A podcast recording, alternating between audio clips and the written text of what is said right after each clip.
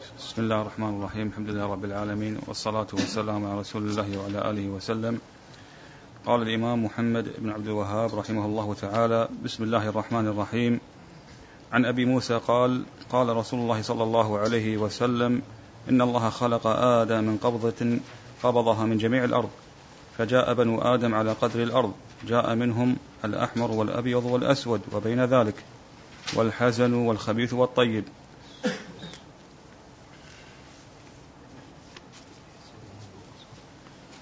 الحمد لله والصلاة والسلام على رسول الله وعلى آله وسلم. أما بعد فكنا قد تجاوزنا الكلام على هذا الحديث وشرعنا في الآيات وها نحن نرجع إلى هذا الحديث ونتكلم على ما ييسر الله تبارك وتعالى من المعاني التي تضمنها. وقد سبق وأن ذكرنا بعض الأحاديث عن النبي صلى الله عليه وآله وسلم في معنى هذا الحديث أيضا. الحديث يقول فيه النبي صلى الله عليه وسلم إن الله خلق آدم من قبضة قبضها من جميع الأرض. فجاء بنو آدم على قدر الأرض جاء منهم الأحمر والأبيض والأسود وبين ذلك والحزن والخبيث والطيب. الحديث طبعا رواه عدد من الأئمة وصححه الإمام أحمد رحمه الله تعالى وأبو داود والترمذي وابن حبان والألباني رحمهم الله تعالى. والحديث فيه فوائد فمن فوائده بيان علم الله جل وعلا وحكمته وقدرته تبارك وتعالى. أما علمه تبارك وتعالى فنحن نعلم أن الله جل وعلا بكل شيء عليم سبحانه وتعالى. فعلم الله جل وعلا يتعلق بكل معلوم. علم الله جل وعلا يتعلق بكل معلوم. فالله تبارك وتعالى يعلم ما كان وما يكون وما لو قدر كونه كيف يكون؟ أي أن علم الله جل وعلا يتعلق بالممكنات والمستحيلات وكل شيء تبارك وتعالى. فعلم الرب تبارك وتعالى أن آدم عليه الصلاة والسلام مرجعه إلى هذه الأرض. وإلا فإن الله تبارك وتعالى في بادئ بدء قد أكرمه بأن خلقه في الجنة وجعله فيها لكنه رجع إلى الأرض كما هو معلوم من قصته عليه الصلاة والسلام. فلما علم الرب جل وعلا أن آدم راجع إلى الأرض كان خلقه من هذه الأرض حتى يناسب مقامه فيها إذا رجع إليها. كذلك في هذا الحديث حكمة الله جل وعلا البالغة. حكمة الله تبارك وتعالى العظيمة سبحانه وتعالى فالله حكيم. ومن حكمته جل وعلا أنه خلق آدم من الأرض بهذه الصفة. أنه خلق آدم بهذه الصفة المذكورة في هذا الحديث.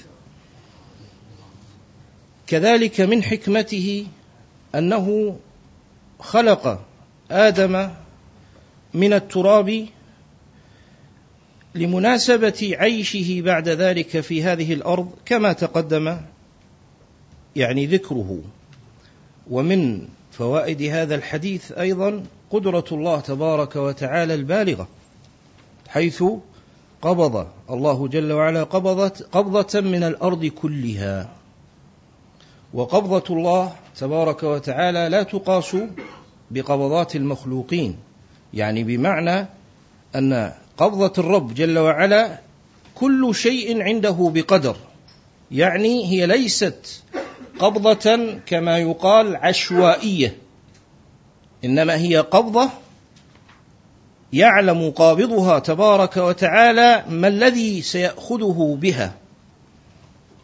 كذلك في هذا الحديث إكرام آدم الكرامة الخاصة من بين سائر مخلوقات الرب تبارك وتعالى بأن خلقه بيده جل وعلا. ولا شك أن هذه الكرامة العظيمة تنسحب فضلا على ذريته من بعده حين يعلمون أن أباهم قد خلق بيد الله جل وعلا.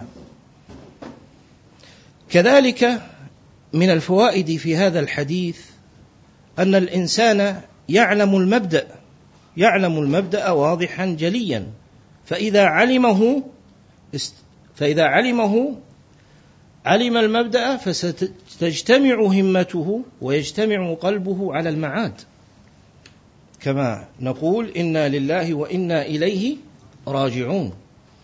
كذلك في هذا الحديث من الفوائد طمأنينة قلب المسلم وراحته وهناءته وراحة باله فهو يعلم ما أصل خلقته وكيف خلق وكل شيء يتعلق بأمره.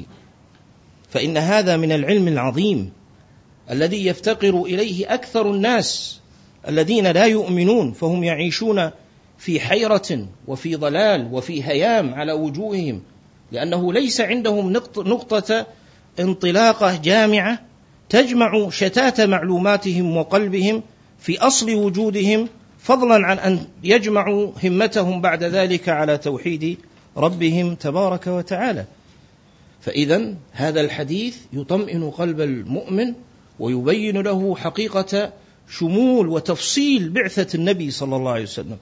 فما من طائر كما يقول أبو ذر رضي الله عنه وأرضاه يقلب جناحيه في السماء إلا وعندنا منه خبر. فما من شيء يحتاجه الناس ويرتبط بمصلحتهم إلا وذكره موجود. فكل مسلم يعلم أن أباه الأول هو آدم عليه الصلاة والسلام.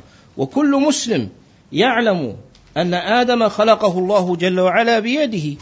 وكل مسلم يعلم أيضا أن آدم قد خلق من تراب. تفصيل خلقة آدم تكلمنا عن بعضها لما تطرقنا إلى ما جاء في الآيات من التراب إلى آخره إلى الحمأ المسنون إلى الصلصال. حتى تفصيل ما خلق منه من التراب وهذا حديث فيه من أي نوع من أنواع التراب خلق آدم عليه الصلاة والسلام. فخلق من كل الأرض لأنه بعد ذلك سينتشر فيها جميعا. كذلك في هذا الحديث فيه أنه لا سبيل للمسلم أن يعرف الله تبارك وتعالى المعرفة الشرعية الواجبة التي يقوم عليها الإيمان بالله تبارك وتعالى إلا من جهة الوحي. ولذلك أورد الإمام ابن خزيمة رحمه الله تعالى هذا الحديث في كتابه العظيم التوحيد في باب إثبات اليدين لله تبارك وتعالى حيث أن الله جل وعلا وصف يده بالقبضة مما يدل على أن ما جاء في القرآن العزيز من وصف ربنا تبارك وتعالى باليد أن المقصود بذلك حقيقة الصفة لله تبارك وتعالى على ما يليق به. إذا فلا سبيل لمعرفة الغيب إلا عن طريق الرب جل وعلا. وهنا أيضا فائدة مهمة جدا. وأعتقد أنها من الأهمية بمكان وأحب أن ألفت النظر أن هناك بعض الفوائد يعني آه، قد لا يعلم الناس عظم النفع بها وتكون سهلة التصديق والإيمان والتسليم. لكن من علم مقالات القوم الضالين وما وقعوا فيه من أنواع الضلالات وزيغ القلوب عن الحق فإن في بعض الحق الذي يعتقده المسلم قليل العلم من الخير العظيم ما لا يعرف يعني مداه فينبغي لطالب العلم وكل مسلم يجب أن يكون طالب علم باعتبار يجب أن يكون دأبه وهمته الانتفاع بالعلم.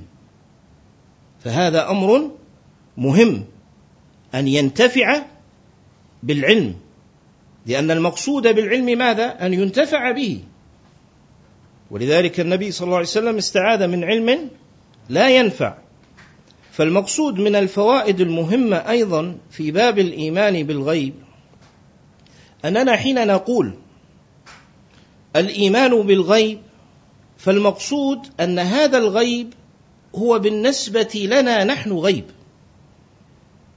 هذا الغيب هو بالنسبة لنا نحن غيب. لكنه مثلا بالنسبة للرب جل وعلا كالشهادة عالم الغيب والشهادة. ففي علم الله تبارك وتعالى يستوي الغيب والشهادة. فحين نقول إن هذا إيمان بالغيب فليس الموضوع أكثر من أنه قد غيب عنا نحن.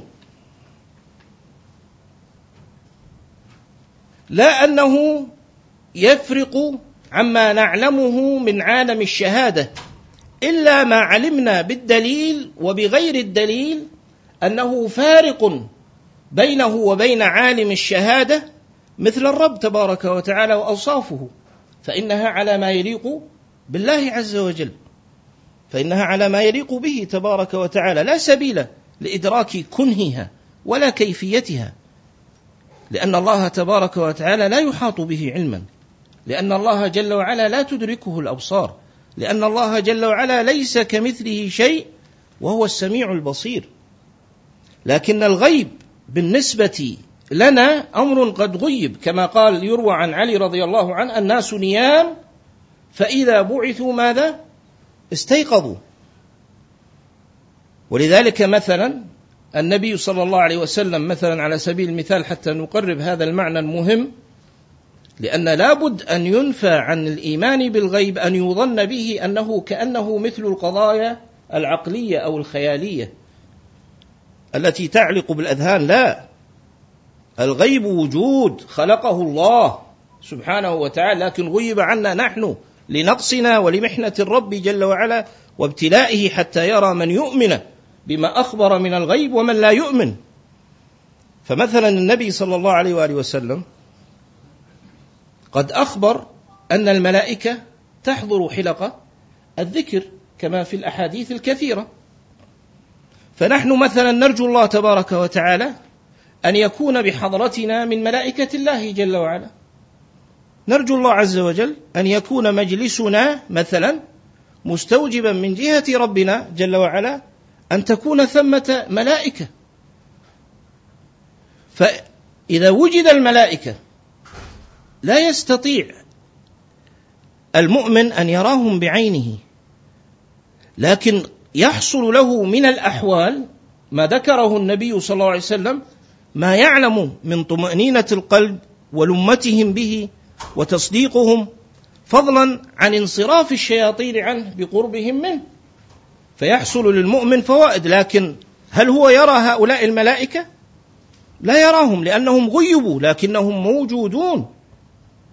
ولذلك النبي صلى الله عليه وآله وسلم لما يعني جفلت إحدى الدواب مرة من المرات يعني اضطربت دابة اضطربت. فبين النبي صلى الله عليه وسلم أنها تسمع ما لا, يت ما لا تسمعون وأنكم لو تسمعون ما تسمع لما كذا وكذا أو كما قال صلى الله عليه وسلم. فهنا هذه الدابة سمعت سمعا حقيقيا لعويل من يعذب وألمهم وشعرت به شعورا حقيقيا لكن هذا الأمر مغيب عن الإنسان. وهذه قدرة الله الباهرة. التي لا يمكن للعقول أن تقرب منها غاية ما يراد من العقول أن تصدق بخبر السماء وأن تسلم للرب المولى سبحانه وتعالى وأن ترضى به ربا وأن تصدق بأخباره. هذا هو الإيمان بالغيب هذا هو الإسلام.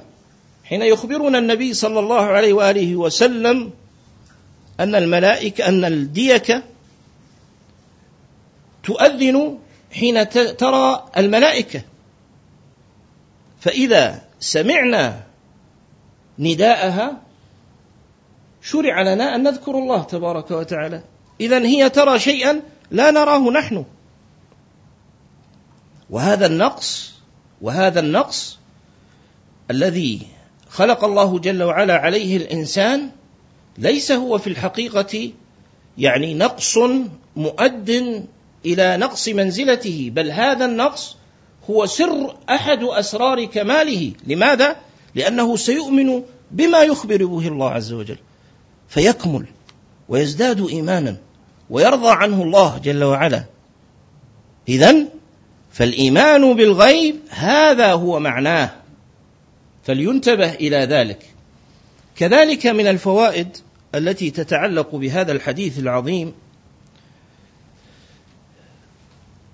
أن معرفة المبدأ أمر غاية في الأهمية من جهة أن كل العلوم التي تترتب بعد ذلك ستترتب على هذا الأمر. لأن الإنسان إذا علم شيئا تطلب ما وراءه ويستقر قلبه عليه. ولذلك أنت تجد يرحمك الله ولذلك تجد أن الملاحدة والمنافقين وغلاة أهل البدع دائما تتجه سهام عقولهم إلى التشكيك في أصل المبدأ. لماذا؟ لأنهم يعلمون أنهم إذا كسروا هذا العلم فإن المسلم سينفتح قلبه على الأهواء على مصراعيه. بينما المسلم يعلم المبدأ بإخبار الله تبارك وتعالى كما رأينا في هذا الحديث. كذلك من الحكم العظيمه في هذا الحديث أيضا أن الله تبارك وتعالى خلق يعني الإنسان من الأرض كلها فجاء بنو آدم عليه الصلاة والسلام يعني ألوانهم وصفاتهم وأبوهم واحد لكن تنوعت صفاتهم وألوانهم. فهذا فيه آية من آيات الله تبارك وتعالى كما قال الله جل وعلا ومن آياته خلق السماوات والأرض واختلاف ألسنتكم وألوانكم. إن في ذلك لآيات للعالمين. إن في ذلك لآيات للعالمين. فهذه من آيات الله تبارك وتعالى. كذلك مما في هذا الحديث أن الناس يرثون صفات الأرض التي خلقوا منها حسنها وقبيحها. أما إرثهم لحسنها فواضح. يوضحه مثلا ما يأتي من الصفات التي تكون في الجبلة يعني في أصل الخلقة. الإنسان يكون عنده صفات حسنة يرزقها الله جل وعلا إياها. كما تعرفون جميعا في الحديث العظيم المشهور لما تخلف ذلكم الرجل عن الركب الوفد الذين جاءوا للنبي صلى الله عليه وسلم فتوافدوا ودخلوا عليه فتأخر عنهم. يقوم بربط أمتعتهم وربط دوابهم وما أشبه ذلك حتى جاء إلى النبي صلى الله عليه وسلم فقال له إن فيك صفتان يحبهما الله ورسوله. الحلم والأنات. انظر إلى عقل ذلكم الرجل. رضي الله عنهم وأرضاهم. أصحاب النبي صلى الله عليه وسلم. صلى الله عليه وسلم. قال له أفيهم أم جبلت أتخلقت بهما أم جبلت عليهما؟ أو ما معناه قال بل جبلت عليهما. قال الحمد لله الذي جبلني على ما يحب. فعلم الفرق بين الصفات. التي تكون في الإنسان أصلا وبين الصفات التي يكتسبها. وسأل عن ذلك. فأراد أن يعلم هل هو مما اكتسبه بجهاده لنفسه صار فيه هذه الصفة من الحلم والأنات ولا شيء الله عز وجل أكرمه به؟ فأخبره النبي صلى الله عليه وسلم أن هذه كرامة من الله لك. فحم فعرف عرف وعلم الواجب تجاه نعمة الله تبارك وتعالى وهو شكره سبحانه وتعالى على نعمته وفضله جل وعلا. طيب من لم يجبل على الصفة الحسنة؟ فمنع مقتضاها فصار إلى ما صار إليه مما عدمه من الصفة الغير حسنة. فهل هذا شؤم وبلاء عليه وشر عليه؟ في الحقيقة أنه يكون شر عليه وبلاء عليه إذا رضي وسكت وترك نفسه على أصل ما هو عليه دون أن يجاهدها بالعلم والعمل ويطهرها ويزكيها. فهنا نعم يكون شر عليه.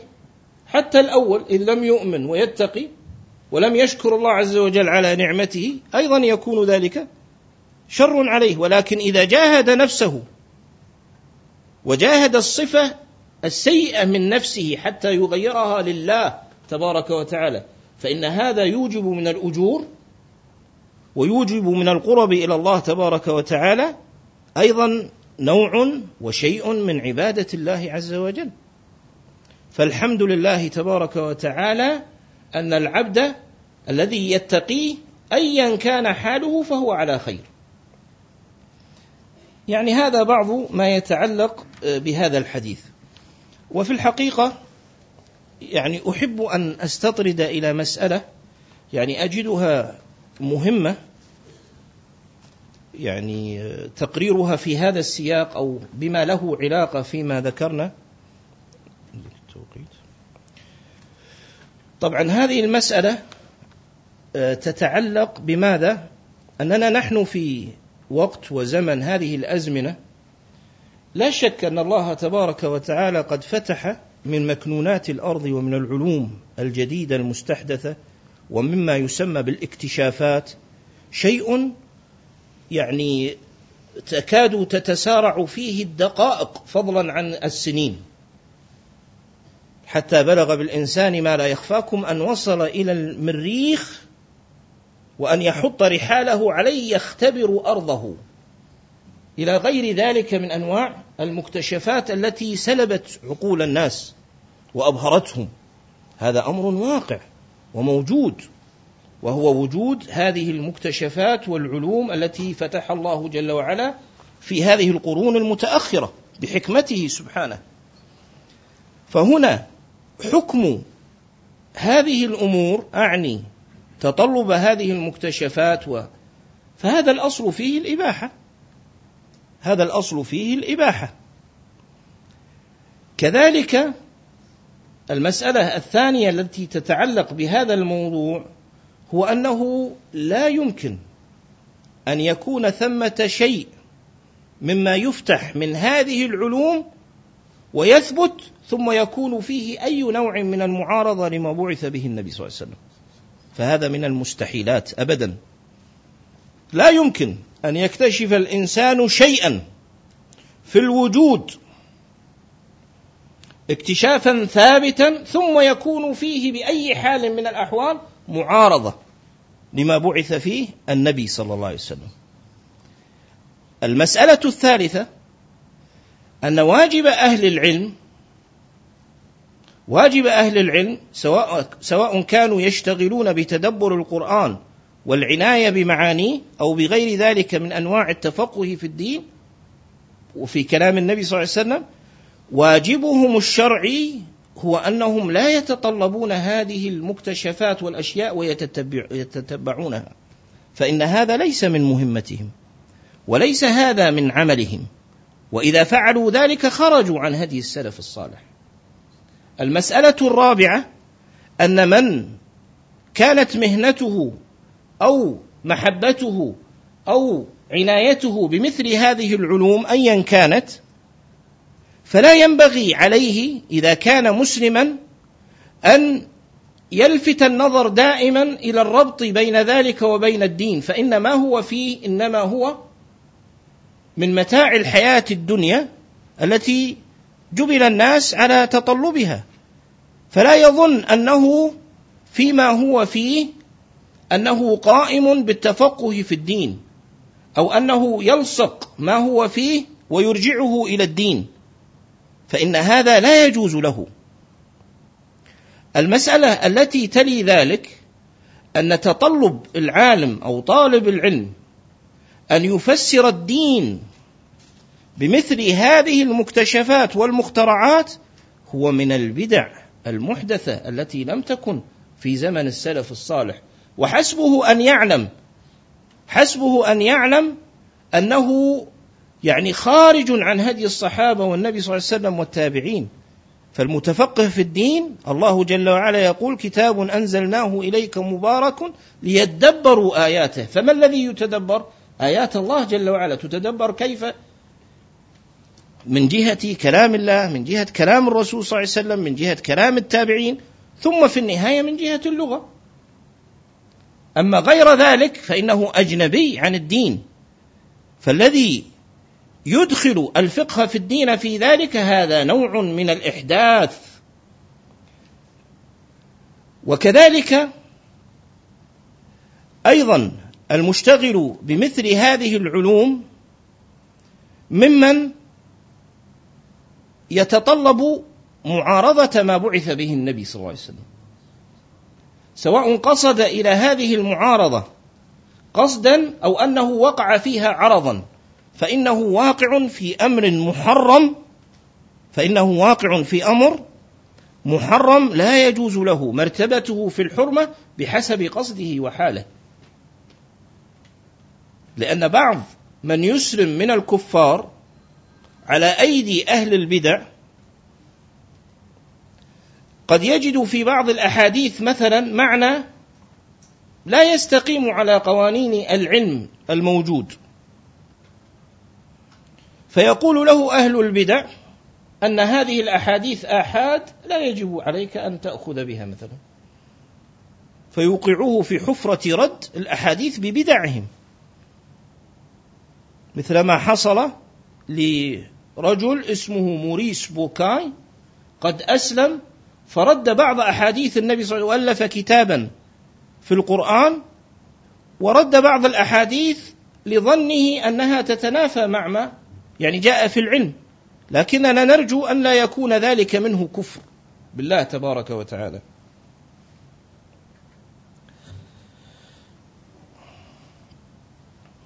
وكما قلت فتتبع مثل هذه العلوم لتفسير الدين بها هذا يعني من من من البدع المحدثة.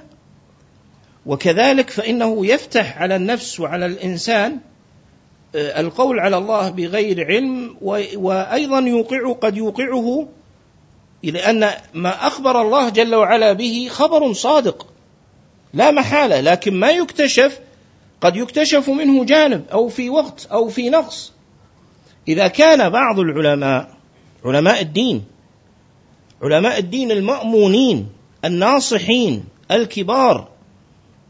لما جاء إلى قول النبي صلى الله عليه وسلم في الحديث الذي في صحيح البخاري لما ذكر النبي صلى الله عليه وسلم إن الله جل وعلا لما خلق آدم خلقه طوله ستون ذراعا في السماء.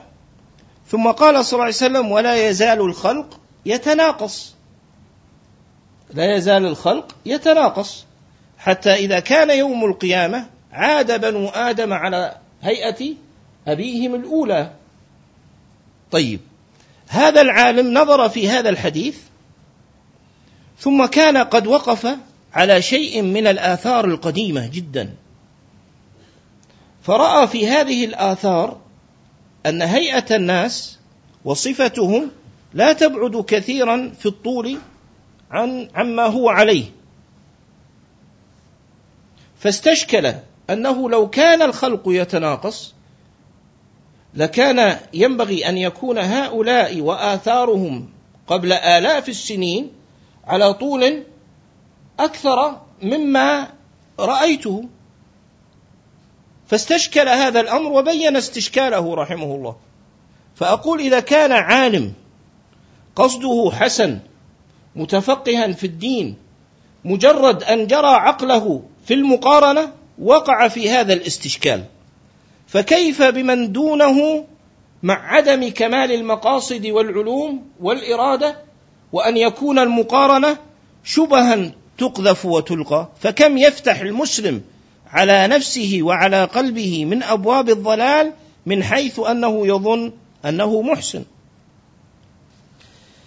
كذلك فإن ما يكتشف أو ما يعلم حصوله من هذه الأشياء ايا كانت في أي باب من الأبواب فهي من جهة آه، تكون فيها زيادة إيمان ويكون فيها من معنى قول الله تبارك وتعالى سنريهم آياتنا في الآفاق وفي أنفسهم حتى يتبين لهم أنه الحق اذا فهي يحصل فيها لكن هذه الآيات اولا هي ترى للناس يعني بمعنى أنهم غير مطلوب منهم تقصدها.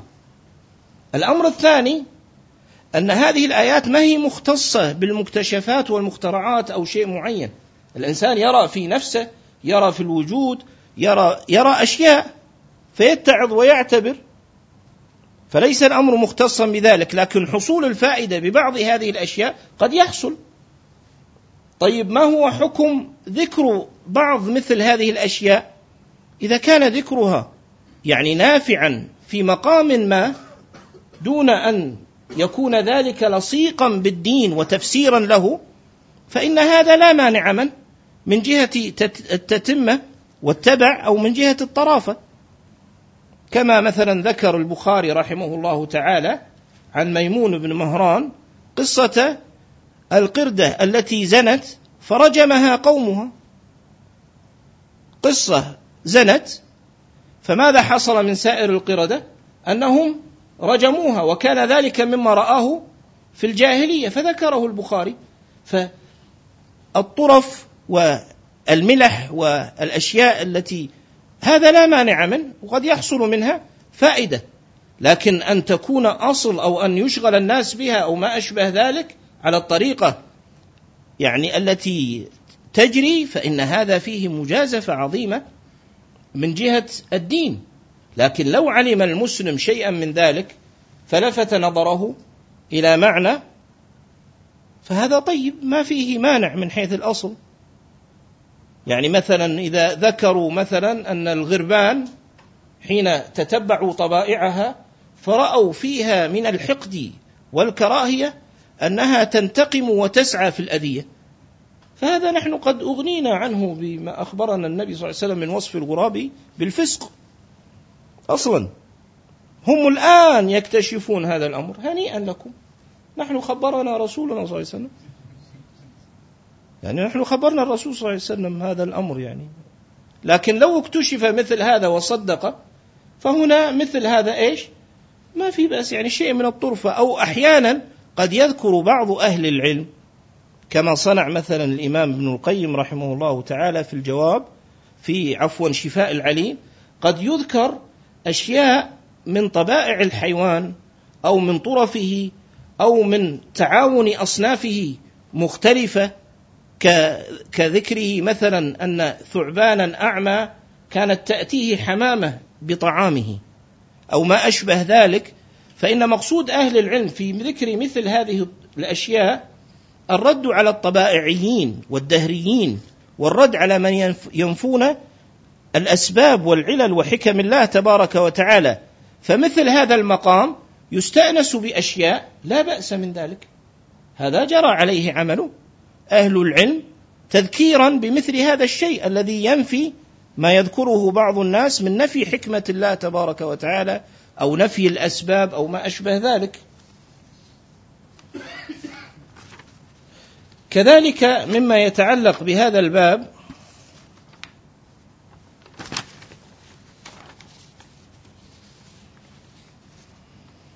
أن غاية يعني هذه المكتشفات والاستدلالات غايتها ماذا؟ غايتها أن تزيد في الإيمان بربوبية الله تبارك وتعالى. إذا هي صابة في ماذا؟ في توحيد الربوبية، لكن توحيد الأسماء والصفات معرفة الله جل وعلا، توحيد القصد والطلب، إخلاص الدين لله عز وجل، فهذه الأشياء يعني ليست يعني آه، ليست هادية في هذه الأبواب. إنما الهادي في ذلك والمقرر مقرر له هو كلام الله وكلام الرسول صلى الله عليه وسلم. إذا فما فيها من فائدة مرجوة فهي صابة في جزء معين أما من جهة الأصل الذي بعث به النبي صلى الله عليه وسلم معرفة الله جل وعلا وتوحيده وإخلاص الدين له تبارك وتعالى فإنه لا ينال من هذه الجهة وهذه الحيثية.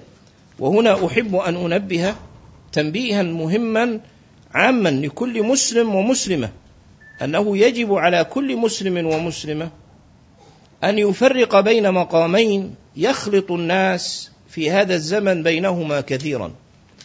ألا وهو مقام الانتفاع ومقام الاستمتاع إذا صح التعبير. أنا أختار هذه اللفظة لتقريب المعنى. عندك انتفاع وعندك ماذا؟ استمتاع. فيجب على المسلم أن يحرص في أمر الدين على ما ينفعه.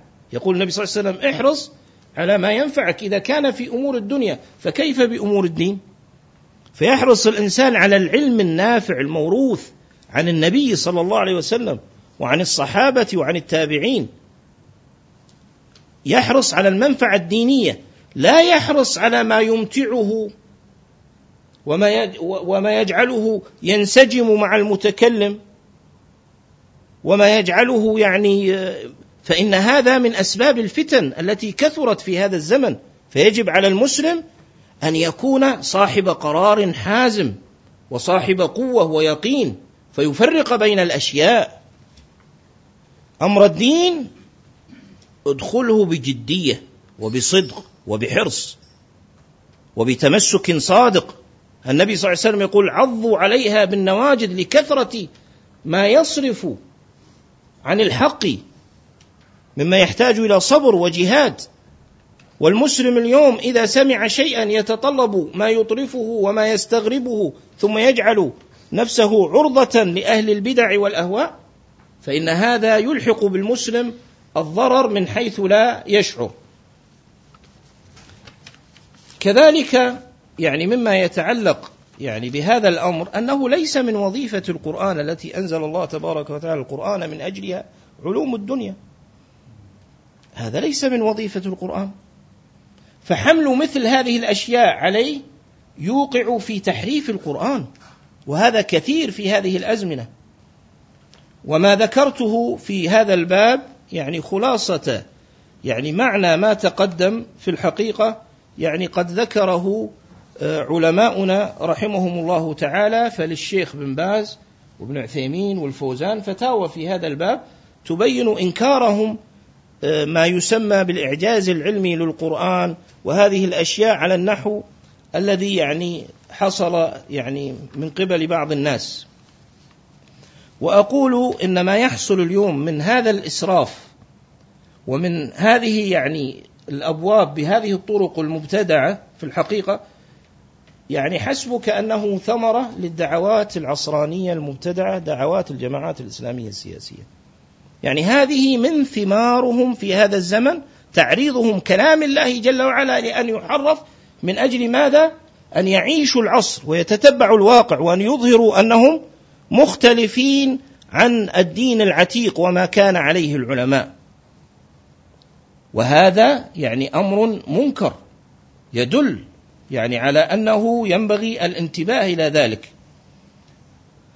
والعجيب يعني أن كثير ممن يتصدى لمثل هذه الأشياء العلمية في الحقيقة أنهم يوقعون الناس يعني يوقعون الناس في البدع الأخرى. يعني الآن مثلا يعني سمعت لبعضهم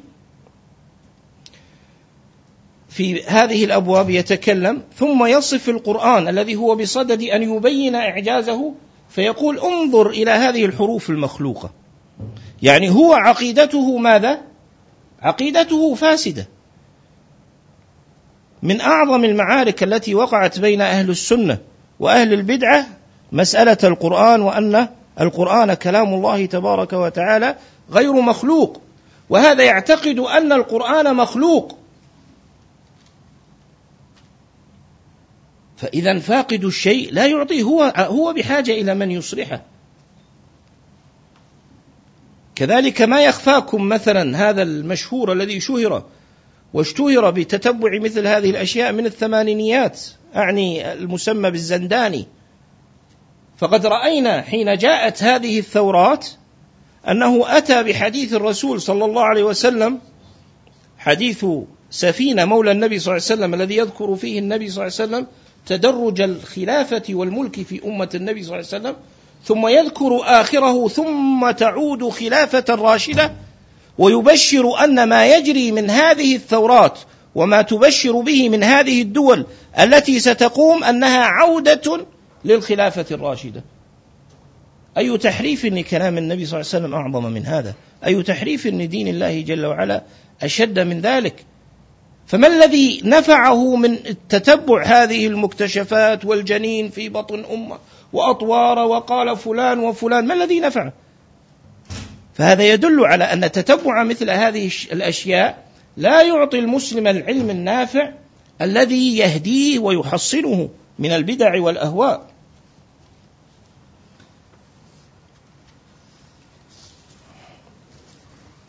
كذلك مما أحب يعني أن أذكره وأنكره بشدة أيضا تفسير يعني ما يجري يوم في يوم القيامة ببعض النظر النظريات والأشياء.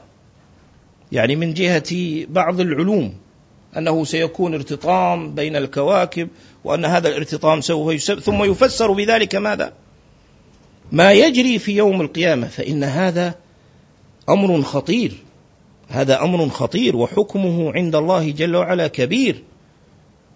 بل قد يصح أن أقول تحسبونه هينا وهو عند الله عظيم.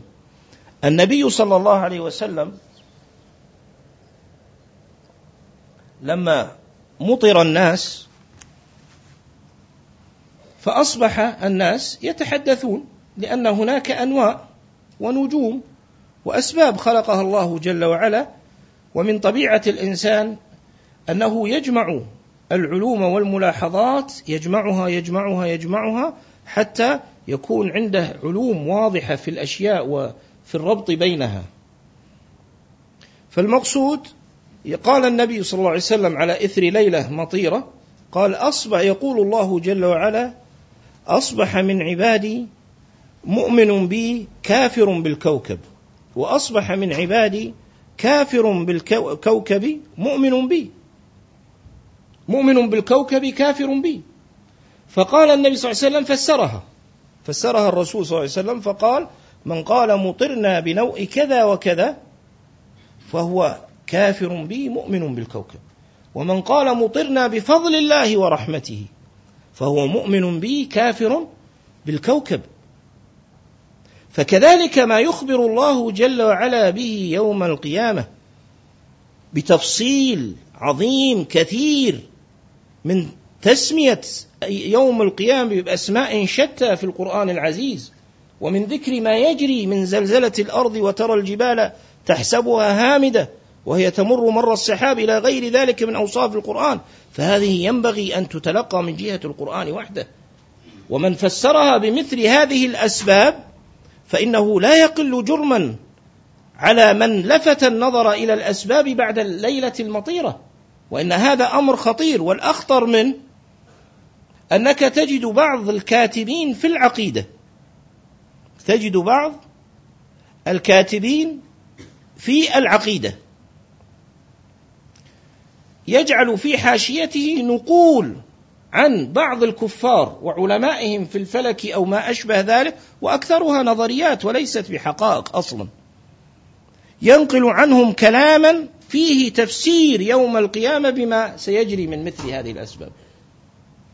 حاشية الاسعوي. وهذا يزعم السنة ويزعم خدمة كتب السنة ودبت إليه هذه المادة من جهة ماذا؟ من جهة استسلامه لبدع الجماعات الإسلامية التي تدعو الإنسان لأن يعيش بالعصر كما يعيشه أهل العصر فيتأثرون أكثر مما يؤثرون ويحصل بهم من الضرر الشيء العظيم وهذا أمر خطير فالذي ينبغي في التفقه في دين الله تبارك وتعالى أن يعول على كلام الله وعلى كلام النبي صلى الله عليه وسلم وعلى كلام الصحابة على ما كان عليه الناس سابقا. وهذه الأمور التي فتحت ينتفع بها لكن ليس للدين شأن فيها من جهة تطلبها وليس الدين بحاجة إلى أي شيء منها. هذا والله أعلم وصلى الله وسلم على محمد وعلى آله وسلم.